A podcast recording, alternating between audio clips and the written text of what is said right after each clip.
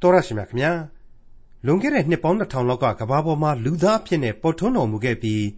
ဖန်ဆင်းရှင်သာဝရဘုရားရဲ့သားတော်ဖြစ်တယ်လို့အတိအလင်းထုတ်ပေါ်ကြွေးကြော်ခဲ့ပြီးတဲ့နောက်လဝကတိုင်ပေါ်မှာတုတ်တင်ကွက်မြက်ခြင်းကိုခံသုံးရက်မြောက်တဲ့နေ့မှာတေခြင်းကနေပြန်လည်ရှင်ပြန်ထမြောက်တော်မူခဲ့တဲ့လူသားရဲ့ကယ်တင်ရှင်သခင်ဖျားယေရှုခရစ်တော်ဟာ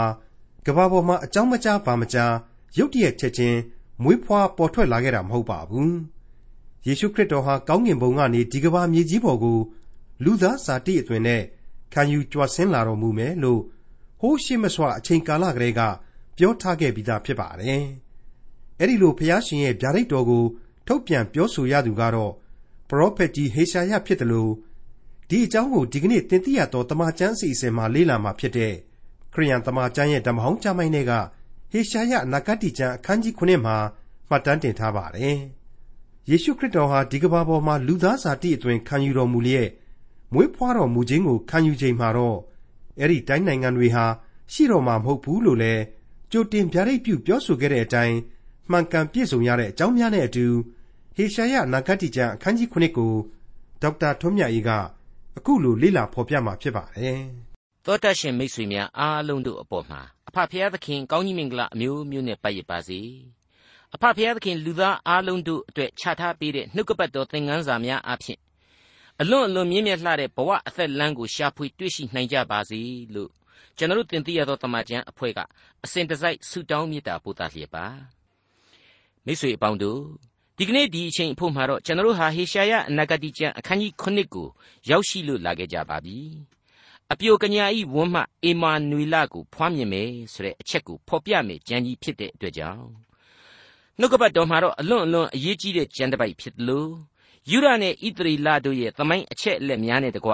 ယူဒပြည်ကိုအာရှုရိလူမျိုးတွေလာရောက်တိုက်ခိုက်လိမ့်မယ်ဆိုတဲ့ဖော်ပြချက်တွေကိုထူးထူးခြားခြားတွေ့ရမယ်ကြံကြီးဖြစ်တဲ့အကြောင်းကျွန်တော်တို့အနေနဲ့ကြိုတင်ဖော်ပြထားနှင်ခြင်းပါတယ်။ကဲဒီကနေ့အစီအစဉ်ကိုစတင်နိုင်ဖို့ရန်အတွက်ကြံအတိုင်းဖတ်ရှုနားဆင်ကြကြပါစို့။ဟေရှာယအနာဂတိကျမ်းအခန်းကြီး9အငယ်1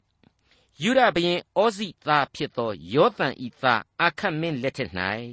ရှုရိရှင်ဘရင်ရေဇိန်မင်းနှင့်ဣသရေလရှင်ဘရင်ယေမလိမင်းဤသားပေကာမင်းတို့သည်ယေရုရှလင်မြို့ကိုတိုက်ချင်းငှာချီလာကြ၏သို့တော်လည်းအကြံမမြောက်နိုင်ကြယုဒရှင်ဘရင်ဩဇိသေတဲ့နှစ်မှာဟေရှာယဟာပရောဖက်ကြီးအဖြစ်တာဝန်ပေးအပ်ခြင်းခံခဲ့ရတယ်ဆိုတာကိုကျွန်တော်ပြီးခဲ့တဲ့သင်ခန်းစာတွေမှာတွေ့ခဲ့ကြရပြီးပါပြီနော်အခုဆိုရင် ယုဒဘရင်ဩဇိရဲ့သားယောသန်ဘရင်ခေတ်ကိုတောင်မှကြော်လွှားပြီးတော့ယောသန်ရဲ့သားအာခတ်ဆိုတဲ့မင်းလက်ထက်ကသမိုင်းဖြစ်စဉ်ကလေးတွေနဲ့အခန်းကြီး9ကိုဖွင့်လှစ်ပေးလိုက်ခြင်းပဲဖြစ်ပါတယ်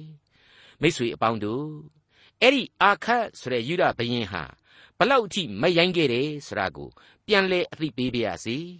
တစ်ချိန်တည်းမှာပဲလူမိုက်အာခတ်ရဲ့ဆွေမျိုးအရင်ခောက်ခောက်မြောက်ဖက်ဣသရေလဘရင်ပေကာဆိုတာဟာလေအာခတ်မိုက်တာတဲ့မလျော့စရန် မိုက်မဲခဲ့တယ်ဆိုတာကိုပါမိษွေတို့ကိုအမှတ်ရစေခြင်းပါ रे ဒါကြောင့်မို့လဲဓမ္မရာဇဝင်စရုပ်ထစာဆောင်အခန်းကြီး16အတွင်းကမှတ်တမ်းတချို့ကိုကျွန်တော်အနေနဲ့ပြန်လည်တင်ပြခွင့်ပြုပါဓမ္မရာဇဝင်စရုပ်ထစာဆောင်အခန်းကြီး16အငယ်1မှ6ယေမလိသားပေကာနန်းဆန်18နှစ်တွင်ယူရရှင်ဘရင်ယောသန်သားအာခတ်သည်အသက်20ရှိသောနန်းထိုင်၍ယေရုရှလင်မြို့၌16နှစ်စိုးစံလေ၏ထိုမင်းသည် အဖဒါဝိဒ်ကဲ့သို့မကျင့် ထာဝရဘုရားရှေတော်၌တရားသောအမှုကိုမပြုဣသရေလရှင်ဘရင်တို့လိုက်သောလမ်းသို့လိုက်၍ထာဝရဘုရားသည်ဣသရေလအမျိုးသားရှေ့မှနှင်ထုတ်တော်မူသောတပါးအမျိုးသားတို့၏ယွန်ရှာပွဲထုံးစံအတိုင်းမိမိသားကိုမိဖြင့်ပူဇော်၏မြင့်သောအရက်တောင်ပေါ်တစ်ပင်အောက်တို့၌ရစ်ပူဇော်၍နန့်သာပေါင်းကိုမိရှုတတ်၏ထိုအခါရှုရိရှင်ဘရင်ရေဇိန်နှင့်ဣသရေလရှင်ဘရင်ရေမလိသားပေကာသည် ယေရုရှလင်မြို့သို့စစ်ချီ၍အာခတ်မင်းကိုဝိုင်းထားတော်လဲမနိုင်ရတို့ရတွင် ရှုရိရှင်ဘရင်ရေဇိန်သည်အေလတ်မြို့ကိုရှုရိနိုင်ငံသို့သွင်းပြန်၍ယုဒလူတို့ကိုနှင်ထုတ်သဖြင့်ရှုရိလူတို့သည်လာ၍ယနေ့တိုင်အောင်အေလတ်မြို့၌နေကြ၏ဟုတ်ပါတယ်မိတ်ဆွေအပေါင်းတို့ယုဒဘဲချမ်းကဘရင်အာခတ်ကအလွန်မိုက်တယ်မိုက်တဲ့နေရာမှာ ကိုရင်သွေးကိုတောင်ကိုမီးပူဇော်တဲ့အထိနတ်တွေမှိုင်းမိပြီးတော့အဖဖျားသခင်ကိုဆန့်ကျင်သမှုပြုတယ်နှစ်ချမ်းကွဲပြီးသားမြောက်ဖက်ဣသရေလဆိုတဲ့ဆွေမျိုးတော်နိုင်ငံဘရင်ပေကာဆိုတာကြပြန်တော့လေအာခတ်နဲ့ဒိုးရူပေါင်ပဲမိုက်ခဲ့ပြီးတဲ့နောက်ယူရဆွေမျိုးတွေကိုစီးရီးယားလို့ခေါ်တဲ့ရှုရီနဲ့ပေါင်းပြီးတော့ဝင်တိုက်ဖို့ကြံခဲ့ပါတယ်တဲ့အသားရဲကလောက်ထွက်တဲ့သဘောပေါ့အဲ့ဒီတော့တောင်ဘက်ကတယောက်ကကိုသားနဲ့ရစ်ပူဇော်ရဲတဲ့အထိမိုက်တယ် မြောက်ဖက်တယောက်ကကို့ဆွေမျိုးအရင်ခောက်ကောက်ကိုသူများနဲ့ပေါင်းပြီးတော့တိုက်ဖို့ကြံတယ်ဘသူများကောင်းတာရှိသေးတုံးလို့ကျွန်တော်မေးချင်ပါတယ်အကုန်လုံးဟာဇတ်တူသားကိုစားရဲတဲ့လူမိုက်တွေကြီးပဲဆိုတာဟာရှင်းနေပါပြီဟေရှာယအနာဂတိကျမ်းအခန်းကြီး9အငယ်1ရှုရိပြည်သည်အေဖရိမ်ပြည်ကိုအမိပြုသည်ဟုဒါဝိဒ်မင်းမျိုးကြားသောအခါတော၌သစ်ပင်တို့သည်လေကြောင့်လှုပ်ရှားသကဲ့သို့မင်းကြီး၏နှလုံးနှင့်ပြည်သားတို့၏နှလုံးသည် တုန်လှုပ်လျက်ရှိ၏ပထမတစ်ချိန်ဝင်ပြီးတော့တိုက်ဖို့ကြိုးစားတယ်အကြံမထမြောက်ခဲ့ဘူး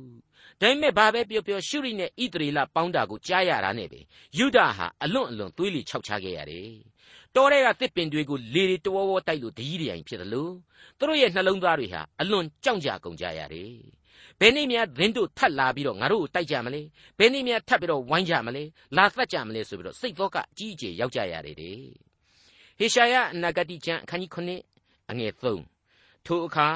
ထာဝရဘုရားသည်ဟေရှာယကိုမိန့်တော်မူသည်ကားသင်သည်သင်ဤသားရှာရာရှုပ်နှင့်အတူသွား၍ခဝါသည်ဤလေနာမှလျှောက်တော်လံအထက်ရေကန်ပြင်ဝ၌အာခတ်မင်းကိုကြိုဆို၍တွေ့လျင်ဆင့်ဆိုရမည်မှာသတိပြု၍ငြိမ်ဝတ်စွာနေလောတဲ့မိတ်ဆွေတို့ဒီနေရာမှာအထူးအဆန်းပါလာတာကတော့ခဝါသည်ဤလေနာမှလျှောက်တော်လံတဲ့ ပြီးတော့မှအထက်ရေကန်ပြင်ဝဆိုပါလားအဲ့ဒီအရက်မှာအာခတ်မင်းနဲ့မင်းသွားပြီးတော့တွေ့ပါဆိုလို့ဟေရှာယဟာအဖဖျားသခင်ရဲ့အမိန့်တော်ကိုနားထောင်တယ်အခုအခတ်ဘရင်ရဲ့သားတော်ဟေဇကိလက်ထက်အချိန်မှလေအာရှုရိအမတ်အပေါင်းတို့ဟာအခုလိုပဲခွာသည်ဤလေနာမှာလျှောက်တော်လံ အထက်ရေပြုံဝမှာလာရက်ပြီးတော့ဟေဇကိဘရင်ကိုအဲ့ဒီနေရာကနေရာဇသံပေးခဲ့တယ်ချင်းချောက်ခဲ့တယ်ဆိုတာတွေ့ကိုဓမ္မရာဇဝင်တွေထဲမှာကျွန်တော်တို့ပြန်ပြီးတော့တွေ့မယ်ဆိုရင်အခုသင်ခန်းစာနဲ့မယိုးမဆွဲဆိုတာကိုသဘောပေါက်နိုင်ပါတယ်အခုဟေရှာယအနာဂတိကျမ်းအခန်းကြီး36ကြရင်လေဒါကိုပဲပုံစံတစ်မျိုးနဲ့ဆက်လက်ပြီးတော့ဖော်ပြပေးသွားအောင်မှာပါအဲ့ဒီအရက်ဒေသဟာဘယ်နေရာဖြစ်မှာလဲထူးခြားနေပါပြီ ခဝါသေးဤလေနာမှာရှောက်သောလမ်းတဲ့အင်္ဂလိပ်လိုကတော့ in the highway of the fuller's field ဆိုပြီးတော့ဖော်ပြထားပါတယ်လေယာရဲ့ကြားထဲကကသင်းယိုးမကကျယ်ဝန်းတဲ့လမ်းဖြစ်ပါတယ်လမ်းမကြီးဖြစ်လိမ့်မယ်ရွှွန့်မပေဘဲနဲ့ရှောက်နိုင်အောင်မြင့်ပြီးတော့အဆင့်မြင့်ပြီးတော့တမင်တကာဖောက်ထားတဲ့လူသွားလမ်းကြီးပဲဖြစ်ရလိမ့်မယ်ဒီ highway ဆိုတာဟာ လမ်းမကြီးလည်းဖြစ်တယ်။တန်ရှင်းစင်ကြယ်ခြင်းလည်းရှိတယ်ဆိုတာကိုအကျယ်တဝင့်စဉ်းစားလိုက်မယ်ဆိုရင်အဖြေပေါ်လိမ့်မယ်လို့ကျွန်တော်ထင်ပါတယ်။ဒီ highway လမ်းကြီးကြီးဟာဖြောင့်မတ်သောသူလိုက်သောလမ်းကဒုစရိုက်ကိုရှောင်ခြင်းသည်ထိုလမ်းကိုမလွှဲဘဲရှောက်သွားသောသူသည်မိမိအသက်ဝိညာဉ်ကိုစောင့်တတ်၏ဆိုပြီးတော့သုတ်တန်ကျမ်းအခန်းကြီး16အတွင်းမှာဖော်ပြထားတဲ့လမ်းအမျိုးအစားဖြစ်ရပါလိမ့်မယ် ဟေရှာယကပဲဟေရှာယနဂတိကျမ်းအခန်းကြီး35အငယ်8မှာဖော်ပြထားတာကတော့အတိတ်ပဲဟာပို့ပြီးတော့ရှင်းလာပါလိမ့်မယ်အခုကလေးကကြိုတင်ပြီးတော့အဲ့ဒီဟေရှာယအနာဂတိကျမ်းအခန်းကြီး35ကိုကြိုတင်လေ့လာကြည့်ရှုစေခြင်းပါတယ်ထိုအရ၌လမ်းမကြီးရှိလိမ့်မည်ထိုလမ်းကိုတန်ရှင်းရလမ်းဟုသမုတ်ကြလိမ့်မည်မစင်ကြဲသောသူသည်ထိုလမ်းကိုမလျှောက်မသွားရ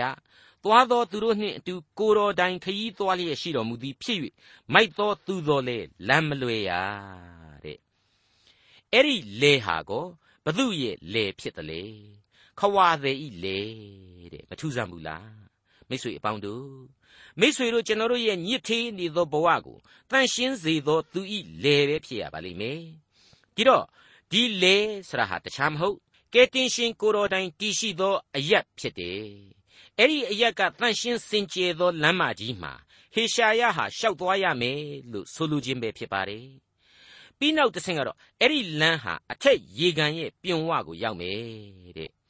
အဲ့ဒါဟာယေရုရှလင်နဲ့ဣသရေလတို့အတွက်တောက်သုံးရေစီးထွက်တဲ့ပင်မရေထွက်ရာနေရာကိုဆိုလိုခြင်းဖြစ်ရပါလိမ့်မယ်အင်္ဂလိပ်ကတော့ the upper pool ဆိုပြီးတော့ဖော်ပြပါတယ် upper ဆိုတဲ့ဝေါ်ဟာရကို most high god အမြင့်ဆုံးသောဖျားဆိုတဲ့ဝေါ်ဟာရနဲ့အကြိမ်ပေါင်း30မကတွဲဖက်သုံးဆွဲထားတာကိုနှုတ်ကပတ်တော်မှာကျွန်တော်တို့အထင်ရှားတွေ့နိုင်ပါတယ်ရေကန်သို့မဟုတ်ပူးဆိုတာကတော့ဘီကာဆိုတဲ့ဂျူးဝေါ်ဟာရအတိတ်ပဲဖြစ်တယ်ဘီကာဆိုတာဟာ blessing သို့မဟုတ်ကောင်းကြီးမင်္ဂလာပဲဖြစ်တယ်ဟုတ်ပါတယ်အသက်ဆန်းရည်တည်ရှိရာအရာ ဖျားသခင်ကောင်းကြီးဖြစ်ခြင်းဆိုတဲ့အလေးအနက်အတိတ်ပဲတို့ကိုဖော်ပြနေပါတယ်အဲ့ဒီအကြောင်းတွေကိုဆာလံတီချင်းမှာပြန်ကြည့်မယ်ဆိုရင်လည်းရှင်းနေအောင်အတိတ်ပဲပေါ်လွင်စေပါလိမ့်မယ်အထူးသဖြင့်84ခုမြောက်သောဆာလံရဲ့အငယ်9မှ9ကိုမိษွေတို့ပြန်လှန်ကြည့်စေခြင်းပါတယ်ကိုတော်ကိုအားပြုသောသူသည်မင်္ဂလာရှိပါ၏ ထိုသို့သောသူတို့သည်လမ်းခရီးတော်တို့ကိုနှလုံးသွင်းတတ်ကြပါ၏သူတို့သည်ဘာကာလွင်ပြင်၌ရှောက်သွားစဉ်ထိုလွင်ပြင်ကိုစမ်းရည်ထွက်ရာအရက်ဖြစ်စေကြပါ၏အရင်မိုးရီလဲမင်္ဂလာများနှင့်လွှမ်းစေပါ၏သူတို့သည်အားတိုးတက်၍ခရီးသွားလျက်ဇီးအုံမြို့မှဖျားသခင်ထံတော်၌မျက်နှာပြကြပါ၏မိတ်ဆွေအပေါင်းတို့ခမညာ အသက်ဆန်းရီကိုဖြစ်တည်စေသောအဖဖျားသခင်ကိုအမှုပြုပြီးတော့မင်းအာခတ်ဘရင်နဲ့တွားပြီးတော့တွေ့ရလိမ့်မယ်ဆိုပြီးတော့ဟေရှာယကိုအမိန်ပေးဖော်ပြလိုက်ခြင်းဖြစ်ပါတယ်တွေ့တွေ့ချင်းပဲအာခတ်ကိုပြောရမယ့်စကားကတော့သတိပြု၍ငြိမ်သက်စွာနေလောဆိုတဲ့အချက်ပါပဲတဲ့အရေးကြီးပါတယ်နော်ထိုက်တန်တဲ့တန်ရှင်းခြင်းရှိလို့အဖဖျားသခင်ရဲ့အလိုတော်နဲ့အညီမြဲမြံစွာရှောက်လှမ်းနေရသူပရောဖက်ကြီးဟေရှာယလို့ အာခတ်မင်းဟာရှောက်လှမ်းခွင့်မရှိပါဘူးမစင်ကြဲသောသူသည်ထိုလမ်းကိုမလျှောက်မသွားရဆိုပြီးတော့ဖော်ပြထားပြီးပြီမဟုတ်ဘူးလားဒီအပြစ်သားမင်းဆိုမင်းကြီးရဲ့အဓိကတာဝန်ဟာတခြားမဟုတ်ဘူးသတိပြု၍ငြိမ်သက်စွာအဲ့ဒီနေရာမှာယက်တည်နေဖို့ပဲဖြစ်ပါတယ်မိတ်ဆွေအပေါင်းတို့စင်ကျင်နှလုံးသွင်းရလိမ့်မယ်ငြိမ်သက်စွာနဲ့ဘုရားသခင်ကိုပနာမပြုရမယ်ဂါရဝပြုရမယ်မရှင်းဘူးလားဘုရားသခင်ဆိုတာဟာ ကိုမယုံလို့ဆိုပြီးတော့တောင်းမှရှောင်လို့ရတဲ့ဘုရားသခင်မဟုတ်ပါဘူးနော်ရွတ်ရွတ်ကြိုကြိုရှိကိုရှိရမယ်သတိပြု၍ဒါကြောင့်မလို့ငြိမ်သက်စွာနေတဲ့ဟေရှာယမှတဆင့်အာခတ်ဘယင်ကိုမှားလိုက်ခြင်းပါဟေရှာယအနာဂတိကျမ်းအခန်းကြီး9အငယ်၄သတိပြု၍ငြိမ်သက်စွာနေလော့မိကိုထွက်သောဤထင်းစနှစ်ခုဒီဟုသော ရှုရိမင်းရေစိန်နှင့်ယေမလိသားတို့သည် ပြင်းစွာအမျက်ထွက်တော်လဲမစိုးရိမ်နှင့် စိတ်မပြည့်နှင့်ကြည်စံသတိပြု၍ငြိမ်သက်စွာနေလော့ဆိုတာကိုတကြော့ပြန်ထပ်ပြောတယ်အာခတ်ဆိုတဲ့မင်းဟာတကယ်တကယ်တော့မင်းစုမင်းကြီးဖျားသခင်ကိုပုန်ကန်နေတဲ့နတ်သမားကိုသားအရင်ခောက်ခောက်ကိုတောင်ပြန်ပူဇော်ပြီးတော့သားရဲ့သွေးနဲ့နတ်ပူဇော်နေတဲ့လူအဖဖျားသခင်ကိုအဲ့ဒီလောက်အထိမကြောက်မရွံ့တော်လှန်နေတဲ့ဘရင် ဘာပဲပြောပြောသူ့လက်ထက်မှာအဖဖျားသခင်ဟာလူမျိုးတော်ကိုဓမ္မခတ်နိုင်သေးဘူးဒါကြောင့်မလို့မြောက်ဖက်ဣသရေလရဲ့ဣသရေလရဲ့မဟာမိတ်ရှုရိယေတို့တွေဟာကြောက်เสียယူဒအတွက်ဘာမှမရှိဘူးဒါကြောင့်မလို့မင်းဘာမှမကြောက်နဲ့စိုးလဲမစိုးရင်နဲ့စိတ်လည်းမပြတ်ပါနဲ့တဲ့မှားလိုက်တယ်ဟေရှာယအနာဂတိကျမ်းအခန်းကြီး9အငယ်9မှ9ရှုရိပြည်အေဖရိမ်ပြည်ယေမလိသားတို့ကငါတို့သည်ယူဒပြည်သို့သွား၍နှောက်ယှက်ကြကုန်အံ့ တိုက်ယူ၍ပြည်အလဲမှတပါလာဤသားကိုမင်းအရာ၌ခံထားကြကုန်အံ့ဟုသင်တစ်ဖက်၌မကောင်းသောအကြံကိုကြံကြတော်လေဖះရှင်ထာဝရဖះကထိုအကြံမတိရထိုသို့မဖြစ်ရရှုရိပြည်ဤခေါင်းကဓမ္မသက်မြို့ဓမ္မသက်မြို့ဤခေါင်းကရေစိန်မင်းဖြစ်ရ၏အေဖရိမ်ပြည်ဤခေါင်းကရှမာရိမြို့ရှမာရိမြို့ဤခေါင်းကယေမလိသားဖြစ်ရ၏ သို့တော်လဲ65နှစ်အတွင်တွင်အေဖရိမ်ပြည်ကိုပြည်မဖြစ်စေခြင်းငှာချိုးဖဲ့လိမ့်မည်သင်တို့သည်မယုံလျင်မတီးရကြဟု မိန့်တော်မူ၏ရှုရိပြည်နဲ့အေဖရိမ်ပြည်ရဲ့ယေမလိရဲ့သားတွေရဲ့အဲ့ဒီပုဂ္ဂိုလ်ဆိုတာတွေကတော့ရှုရိတို့ဣသရေလတို့ကိုကိုစားပြုထားသောအေဖရိမ်သားတွေရဲ့ပေကာဘရင်အမှုပြုတဲ့ဇတ်တူသားစားခြင်းတဲ့လူယန်းကားတွေရဲ့ကိုဖော်ပြလိုခြင်းဖြစ်ပါတယ် တကယ်တော့ဟေရှာယအနာဂတိကျမ်းအခန်းကြီး3အငယ်9တဲ့ကသရုပ်ဟာအဲ့ဒီအချိန်မှာရှင်းလင်းပြတ်သားစွာအတိတ်ပဲပေါ်လာတာပဲလို့ကျွန်တော်ဆိုချင်ပါတယ်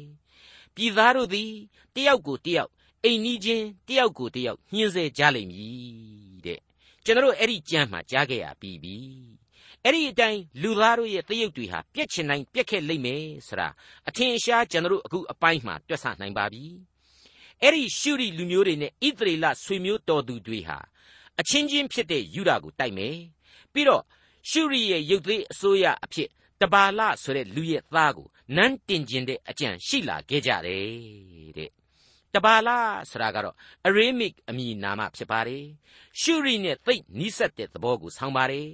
ဒါကြောင့်ဣသရေလယူဒအမျိုးမဟုတ်ရှုရိအမျိုးတဒါကြောင့်လဲရှုရီတို့ရဲ့အကြံဟာယူရကိုကျွန်ပြုဖို့အကြံဒါကိုမြောက်ဖက်ကပေကာဘယင်ဟာ ယူရဣသရေလအမျိုးအရင်ခောက်ခောက်အပေါ်မှာခေါင်းပုံဖြတ်ပြီးတော့ရန်သူနဲ့ပေါင်းအားပေးအားမြောက်ပြုခြင်းပဲ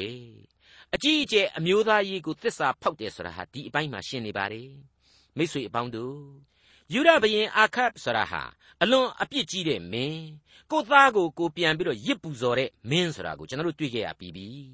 ဒါပေမဲ့အဲ့ဒီလိုမင်းဆိုးမင်းညစ်မျိုးကိုအဖဖျားသခင်ဟာကာကွယ်တယ်တဲ့မထူးဆန်းဘူးလားတကယ်တော့ဘာမှမထူးဆန်းပါဘူး သူမကောင်းသလိုမြောက်ဖက်ကလည်းမကောင်းပတ်ဝန်းကျင်နိုင်ငံတွေကလည်းမကောင်းဘယ်ဘက်ကမှမကောင်းဘူးဆိုတဲ့ညဉ့်ညမ်းနေတဲ့လူအဖွဲ့အစည်းကြီးတဲမှာအဖဖျားသခင်ဟာသူကြိုက်တယ်လို့ဆုံးဖြတ်မှာပေါ့သူကြိုက်တယ်လို့ပဲဒီအပိုင်းမှာလှုပ်ကိုလှုပ်သွားတော့မှာဖြစ်ပါတယ်အခုယူရဘရင်အာခတ်ဟာ အင်မတန်ဆိုးညစ်တယ်ရိုင်းတယ်ဒါပေမဲ့သူ့အဖေယောသန်သူ့အဖိုးအောဇီတို့ဟာအဖဖျားသခင်ကိုကြောက်ရွံ့ယိုသေးခဲ့တဲ့မင်းတွေဖြစ်ခဲ့တယ်အဖေနဲ့အဖိုးတို့ဟာအားနည်းချက်တွေဘလောက်ပင်ရှိပေမဲ့ဘုရားသခင်ကိုနှစ်ပေါင်း80နီးပါးယိုကျိုးခဲ့ကြတယ်ဆိုတာတွေ့ကိုတွေ့ရတော့အဲ့ဒီလိုဘိုးဘေးတို့ရဲ့ယုံကြည်ခြင်းအတွက်ကောင်းကြီးမင်္ဂလာကိုဆက်ပြီးတော့ပေးတာလေအများကြီးဖြစ်နိုင်တယ်လို့ကျွန်တော်တွက်ပါတယ်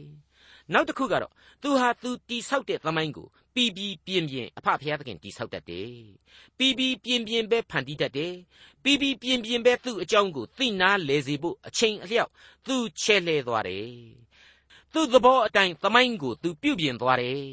ဒါကြောင့်မလို့သူ့အကြောင်းနဲ့သူရှိလိမ့်မယ်လို့ပဲကျွန်တော်ကတော့တွက်ဆလိုက်ပါတယ် အခုဆိုရင်ပရောဖက်ကြီးဟေရှာယမှသင်မင်းဆိုမင်းညစ်အခတ်ကိုဘုရားသခင်ဟာအကာအကွယ်ပေးနေကြောင်းသိသာထင်ရှားနေပါတယ်တကူးတကန့်ဆက်သွယ်ပြီးတော့ဗျာဒိတ်ပြုတ်နေကြောင်းကိုတွေ့ရပါပြီ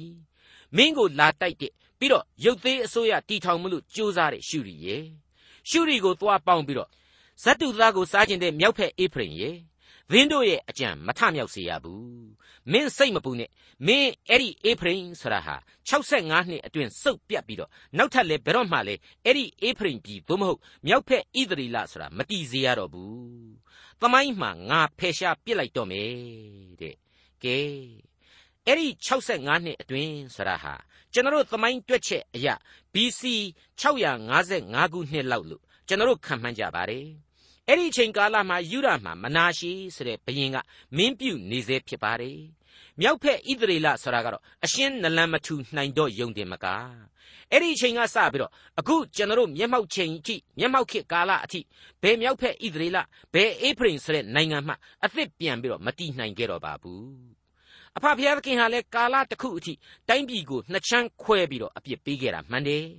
အဲ့ဒီလိုကွဲခဲ့မှုတဲ့သမိုင်းဟာလေတခုတည်းသောဣသရေလအဖြစ်သားလျင်အသစ်ပြန်စဖို့နဲ့တကွာအဲ့ဒီနိုင်ငံတော်သစ်ကိုယ်တိုင်ဟာလေဒီကနေ့အထိမနှဲကြိုးစားပန်းစားမြဲမြံအောင်လုပ်နေရစေနိုင်ငံတော်တစ်ခုဖြစ်တယ်။နလန်ထူးမဲကြံလိုက်စစ်ဖြစ်လိုက်ခေါင်းဆောင်မဲကြံလိုက်သူများကဝင်တိုက်လိုက်နဲ့ကြီးလန့်စာစားဆိုသလိုသာဖြစ်နေရပါတဲ့အကြောင်းအထင်သာသမိုင်းလျှောက်မှာကျွန်တော်တို့တွေ့ရပါတယ်။ ဒါဟာဒီကနေ့တိုင်အောင်ဖြစ်ပေါ်နေတဲ့ဣသရေလနိုင်ငံရဲ့သမိုင်းပါ။ဟေရှာယအနာဂတိကျမ်းအခန်းကြီး9အငယ်30မှ32တဖန်ထာဝရဘုရားကသင်၏ဘုရားသခင်ထာဝရဘုရားထံမှနမိတ်လက္ခဏာကိုတောင်းပန်လော့နက်သောအရ၌ဖြစ်စေမြင့်သောအထက်အရ၌ဖြစ်စေတောင်းပန်လော့ဟုအာခတ်မင်းကိုမိန့်တော်မူလျင်အာခတ်မင်းကအကျွန်ုပ်မတောင်းပန်ပါထာဝရဘုရားကိုမစုံစမ်းပါဟုပြန်ပြော၏ ဒီနေရာမှာကျွန်တော်မှားပါပြီဆိုပြီးတော့တောင်းပန်ခြင်းအရှင်းမဟုတ်ပါဘူးနော်အဖဘုရားသခင်ရဲ့ဗျာဒိတ်တော်အစစ်အမှန်ဖြစ်ကြောင်းကိုသက်သေပြဖို့ရန်အဆင့်သာလျှင်ဒီအာခတ်ဘရင်ဟာတောင်းပန်ခိုင်းတာပါအဖဖျားသခင်ကိုအာခတ်ဟာကိုယ်တိုင်မတောင်းပန်ဘူးတဲ့ဒါပေမဲ့တစ်ချိန်တည်းမှာလေမစုံလဲမစုံစမ်းဘူးတဲ့မသိစိတ်ထဲမှာတော့နည်းနည်းပါးပါးကြောက်ဟန်လန့်ဟန်ရှိပါတယ်ဒါကြောင့်မလို့ကျုပ်ကကျုပ်အုံနောက်နဲ့ပဲကျုပ်အဖြေရှာပါတော့မယ်ဗျာ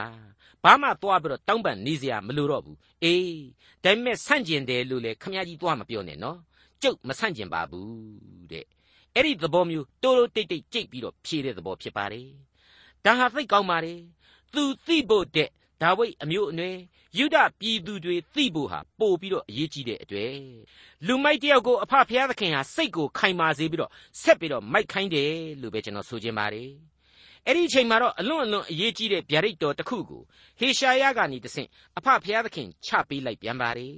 ဟေရှာယအနာဂတိကျမ်းအခန်းကြီး9အငယ်73နဲ့14ထိုအခါဟေရှာယကအိုးဒါဝိဒ်အမျိုးသားတို့နားထောင်ကြလော့သင်တို့သည်လူကိုညင်းငွေစေသည်သာမကငါကိုးကွယ်သောဘုရားသခင်ကိုညင်းငွေစေကြမည်လော ထို့ကြောင့်ထာဝရဘုရားသည်ကိုတော်တိုင်နမိတ်လက္ခဏာကိုသင်တို့အားပေးတော်မူမည်ကြည့်ရှုလော့သူတို့သမီးကညာသည်ပရိသေဆွဲယူ၍သားယောက်ျားကိုဖွားမြင်လက်တံထိုသားကိုအေမာနွေလအမည်ဖြင့်မှဲ့ရလက်တံအံ့ဩစရာကြီးဖြစ်နေပါပြီဘယင်မိုက်တပားအတွက်ဒါဝိဒ်အမျိုးသားအလုံးကိုဥတီးပြီးတော့သူပြောရတဲ့စကားဟာ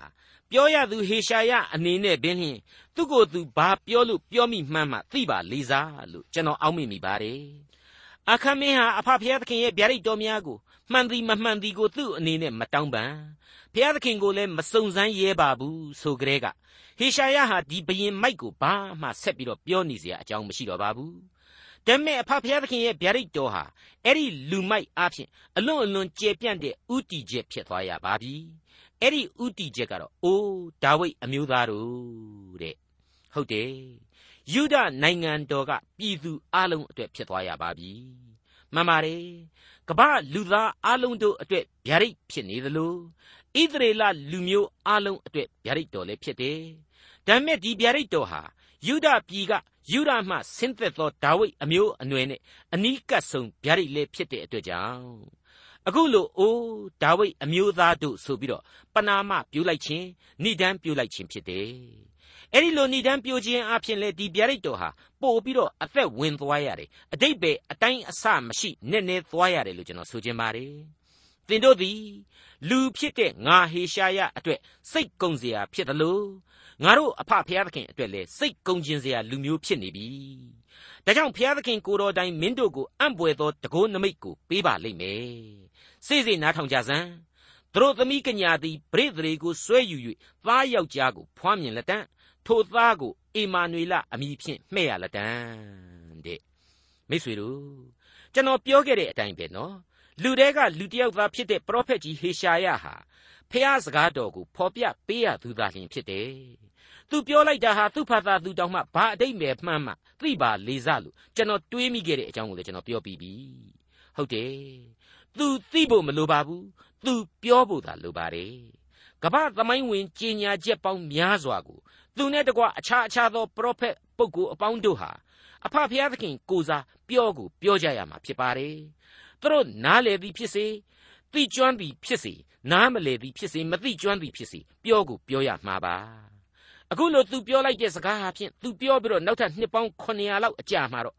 မာရီဆိုတဲ့အပြိုကညာလေးပရိသေရီဆွဲယူပြီးတော့ သားယောက်ျားဖြစ်တဲ့အေမာနွေလာသို့မဟုတ်လူတို့နှင့်အတူရှိသောဖျားသခင်ဟူသောဘွဲ့ကိုခံယူသူကယ်တင်ရှင်သခင်ခရစ်တော်မွေးဖွားမှုအပြင်ပြည့်စုံရလိမ့်မယ်ဆိုတာကိုဟေရှာယသာသိခဲ့မယ်ဆိုရင်ဒါရမကဒီသခင်ဟာသူ့ရဲ့အတိတ်ကဘာဥကစပြီးတော့ကဘာဆုံးတိုင်အောင်တည်ရှိတဲ့လူသမိုင်းအတွက်ကယ်တင်ခြင်းကျေးဇူးတော်ကိုပြုမဲ့သူအဖဖျားသခင်ဤလူစားတိကိုခံယူထားတော်သူဆိုတာကိုသာသူနားလေခဲ့ရင် ဟေရှာယတယောက်ဘယ်လိုများခံစားရလိမ့်မလဲလို့ကျွန်တော်အခုအပိုင်းမှာကတ်ကတ်သတ်သတ်တွေးမိပါတယ်မိတ်ဆွေအပေါင်းတို့အပြိုကညာစီကကယ်တင်ရှင်ကိုမွေးဖွားခြင်းဆိုတာဟာကမ္ဘာသမိုင်းမှာအကြီးအကျယ်ဆုံးသောအေယာမပဟေလီကြီးဖြစ်စေတယ်။အငင်းအခုန်ကြီးဖြစ်စေတယ်ဆိုတာကိုမိษွေတို့အလုံးသိပြီးသားပါ။သိပ္ပံနီးမကြကြအောင်ပြောင်းလဲပြင်ဆင်ရကြတာဒီ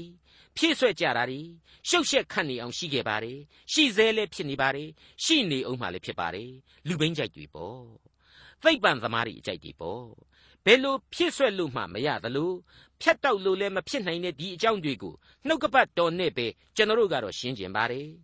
ခရစ်ဝင်ကျမ်းတွေထဲမှာရှင်မသက်ခရစ်ဝင်ရဲ့တင်ပြချက်ကိုကျွန်တော်ဖတ်ပြပါရစေရှင်မသက်ခရစ်ဝင်ကျမ်းအခန်းကြီး1အငယ်16မှ23မှာအခုလိုဖော်ပြထားတာကိုတွေ့နိုင်ပါတယ် ယေရှုခရစ်သည်ဖွားမြင်ခြင်းကိုခံတော်မူသောအကြောင်းအရာဟုမူကားမေတော်မာရိသည်ယောသတ်နှင့်ထိမ်းများဆောင်နှင်း၍မရှက်တင်မိတွင်တန်ရှင်းသောဝိညာဉ်တော်ကြောင့်ပရိသေဆွဲနေ၏သူ၏ခင်မွန်းယောသတ်သည်သူတော်ကောင်းဖြစ်၍မာရိအသရေကိုမပြည့်စေခြင်းသောကြောင့်တိတ်ဆိတ်စွာစွန့်ပယ်မည်ဟုအကြံရှိ၏ထိုသို့ကြံစီ၍နေစဉ်တွင်အိမ်မက်ကိုမြင်ရသည်မှာထာဝရဘုရား၏ကောင်းကင်တမန်သည်ထင်ရှား၍ ဒါဝိဒ်အမျိုးယောသတ်သင်၏ခင်ပွန်းမာရိကိုထိမ့်သိမ့်ရမည်အခွင့်ကိုမစိုးရိမ်နှင့်ဤပရိသေသည်တန်ရှင်းသောဝိညာဉ်တော်ကြောင့်ဖြစ်၏သားယောက်ျားကိုဖွားမြင်လိမ့်မည်ထိုသားသည်မိမိလူတို့ကိုအပြစ်မှကဲချွတ်မိသူဖြစ်သောကြောင့်ယေရှုဟုသောအမည်ဖြင့်မှဲ့ရမည်ဟုကောင်းကင်တမန်ဆို၏ထိုအကြောင်းအရာဟုမူကားထာဝရဘုရားသည်ပရောဖက်ဖြင့်ထားတော်မူသောဗျာဒိတ်တော်ပြည့်စုံမည်အကြောင်းတည်း ဗျာဒိတ်တော်အချက်ဟုမူကားကြည့်ရှုလော့သူတို့သမီးကညာသည်ပရိသေတွေဆွဲယူ၍သားယောက်ျားကိုဖွားမြင်လက်တံထိုသားကိုအေမာနွေလအမည်ဖြင့်မှဲ့ရကြလက်တံဟုလာသည်အေမာနွေလအ내ကငါတို့နှင့်အတူရှိတော်မူသောဘုရားသခင်ဟုဆိုလိုသည်မိတ်ဆွေအပေါင်းတို့အေမာနွေလအီမန်နျူယ်ဆရာဟာလူသားတို့နှင့်အတူရှိသောဘုရားသခင်လို့အတိတ်ပဲရှိပါတယ်ကျွန်တော်ရဲ့အရှင်ယေရှုဟာကျွန်တော်ရဲ့အေမာနွေလပါ ဒါကြောင့်မလို့လေယခုဘဝနှင့်နောင်ကပ်ကာလအဖို့ကဲတင်ရှင်ဖြစ်ကြောင်းပါဟေရှာယအနာဂတိကျမ်းအခန်းကြီး9အငယ်15နဲ့16ထိုသူသည်မကောင်းသောအရာကိုပယ်၍ကောင်းသောအရာကိုရွေးယူတတ်သည့်တိုင်အောင်နို့ဒန်းနှင့်ပြားရည်ကိုစားရလိမ့်မည်ထိုသူငယ်သည်မကောင်းသောအရာကိုမပယ်ကောင်းသောအရာကိုမရွေးမယူတတ်မီသင်ကြောက်သောရှင်ဘရင်နှစ်ဦးအစိုးရသောပြည်သည်စွန့်ပစ်သောအရက်ဖြစ်လိမ့်မည် ခရစ်တော်ဟာနာဇရက်ဆိုတဲ့အရက်ဒေသကလက်လုံလက်စားမိသားစုမှနေခဲ့ရပါတယ်နို့ဒန်းနဲ့ပြားရည်ဆရာဟာဣသရေလအခြေခံလူဒန်းစားတို့ရဲ့အစာအစာပါဒါကြောင့်သူဒီအစာကိုစားခဲ့ရပါလိမ့်မယ်သူလူစားတိကိုခံယူခြင်းမှာနှစ်ချမ်းခွဲဣသရေလရဲ့မြောက်ဖက်ဣသရေလသို့မဟုတ်အေဖရိမ်ပြည်ဆိုတာဟာသမိုင်းစာမျက်နှာမှာမရှိတော့တလို့ရှုရိပြည်ဟာလည်းယောမအာနာရိတ်မှာဖွတ်ဖွတ်ညက်ညက်ကြေလို့နေခဲ့ပါပြီ ဒါကြောင့်မို့လဲရှင်လုကာရဲ့မှတ်တမ်းအရခရစ်တော်ရဲ့မွေးဖွားခြင်းမှာယောမမြို့ဝန်ကုရိနီဆိုတာဟာအဲ့ဒီရှုရိမှာတက်ပြီးတော့အုပ်ချုပ်နေပြီရှုရိမင်းဆက်ပြုတ်ပြီဆိုတာသိသာထင်ရှားလို့နေပါတယ်ဟေရှာယအနာဂတိကျမ်းအခန်းကြီး9အငယ်16မှ25အဆုံးအထိအတွင်းမှာအရေးကြီးသောအချက်များကိုတင်ပြပါရစေထိုကာလ၌အေဂုတ်ထုမြစ်လက်ကြားတို့အနာမရှိသောရင်ကောင်းကို၎င်းအာရှုရိပြည်၌ရှိသောပြားကောင်ကို၎င်းနှိုးဆော်တော်မူသဖြင့် သူတို့သည်လာ၍လူစိတ်ညံသောကြိုင်များကြောက်ကြတောအုံကြက်စားရများအပေါ်မှာအကုန်အစင်နားကြလိမ့်မည်ပေါတူးနှင့်တူးဆွာရာတောင်ယာရှိသမျှတို့သည်စူးပင်မျိုးကြောင့်အဘယ်သူမျှမချင်းဝန်သဖြင့်နွားလွတ်၍ကြက်စားရာသိုးစိတ်တို့ကြော်နှင်းရာဖြစ်ရကြလိမ့်မည်ဟုဟောလေ၏မိတ်ဆွေအပေါင်းတို့ပရောဖက်တွေရဲ့ဟောပြောချက်အပေါင်းတို့ဟာတချို့သက်ဇလံတင်ပြခြင်းမဟုတ်သလိုသမိုင်းသက်သက် ပုံဝတ္ထုတွေလည်းမဟုတ်ခဲ့ပါဘူးဘုံတော်ဘွယ်များလည်းအရှင်းမဟုတ်ခဲ့ပါဘူးကျမ်းအခန်းတစ်ခုတည်းမှာပဲဂန္ဓာတွေမတူညီနိုင်အောင်ပေါင်းဆက်နေတယ်ဆိုတာကိုသတိချက်ဖို့တော့လိုပါတယ်အခုမိတ်ဆွေတို့ကြားနာခဲ့ရတဲ့အချက်တွေဟာဟေရှာယဟောပြောပြီးတော့အချိန်တိုကလေးအတွင်းမှာပဲအမှန်ဖြစ်ပေါ်လာရမယ့်အချက်တွေဆိုတာသမိုင်းသက်သေခံရရှိပါတယ်အေဖရိမ်နဲ့ယူဒအမျိုးဟာမကြခင်မှာပဲသူတခြားကိုတခြားကျွန်ဘဝမှာဝေးကွာသွားကြရပါတယ် အဲဂုတ်ထုမြစ်လက်ကြားမှာရှိနေတဲ့တောင်ဘက်ကတိုင်းတစ်ပါးလူမျိုးတွေအာရှုရိမှစတဲ့မြောက်ဖက်လူမျိုးတွေဟာဣသရေလနဲ့ယူဒနယ်မြေတွေကိုပြားတွေရင်ကောင်တွေလိုဝိုင်းအောင်တုတ်ကြလိမ့်မယ်ဆိုတာတွေဟာအနီးကပ်လက်တွေ့ဖြစ်ခဲ့တဲ့သမိုင်းဖြစ်စဉ်တွေပါပဲဒီလိုမှန်ကန်ခြင်းများနဲ့သက်သေများကြောင့်လေဟေရှာယအနာဂတိကျမ်းဟာဝိညာဉ်တော်ဤအသက်နှင့်အရှိန်တကိုးရှိသောကျမ်းကြီးတစုပဲဆိုတာဘယ်သူမှမငြင်းနိုင်ပါဘူးမိတ်ဆွေအပေါင်းတို့ ဒီလောက်အထိအဖဖျားသခင်ယူရစွာပြုစုခဲ့ပေမဲ့အဖဖျားသခင်ရဲ့ပြိုးပင်တို့ဟာစပြစ်ပင်မဟုတ်ဘဲဘောရှပင်တွေအဖြစ်ဖောက်ပြန်ကုန်ခဲ့ပြီဆိုတာကိုဟေရှာယအနာဂတိကျမ်းအခန်းကြီး9မှာကျွန်တော်တို့တွေ့ကြရပြီးပြီဆိုတော့ပေါက်တူးနှင့်တူးဆွရာတောင်ယာရှိသမျှတို့သည်စူးပင်မျိုးကြောင့်အဘယ်သူမျှမချင်းဝန်းတဲ့ဘဝနွားသို့စိတ်တို့ကြော်နှင်းရာမြေဘဝတို့ရွေလျောသက်ဆင်းရမှာဧကန်အမှန်ပဲဖြစ်ပါတယ် ဒီအချက်တွေကိုကောင်းကင်နဲ့မြေကြီးကိုသက်သေထားပြီးတော့ပရောဖက်ဟေရှာယမှတဆင့်အဖဖျားသခင်ဟာကျွန်တော်မိษွေတို့အားလုံးကိုဒီကနေ့တဲ့တိုင်အောင်နှုတ်ကပတ်တော်အဖျင်ဆုံးမသွန်သင်လျက်ရှိနေကြောင်းပါဒေါက်တာထွန်းမြတ်ရေးစီစဉ်တင်ဆက်တဲ့တင်ပြတော်တမချန်းအစီအစဉ်ဖြစ်ပါတယ်နောက်တစ်ချိန်အစီအစဉ်မှာခရိယန်တမချန်းရဲ့ဓမ္မဟောင်းကျမ်းပိုင်းတွေကဟေရှာယနဂတ်တိကျမ်းအခန်းကြီး၈ကိုလေ့လာမှာဖြစ်တဲ့အတွက်စောင့်မျှော်နားဆင်နိုင်ပါတယ်။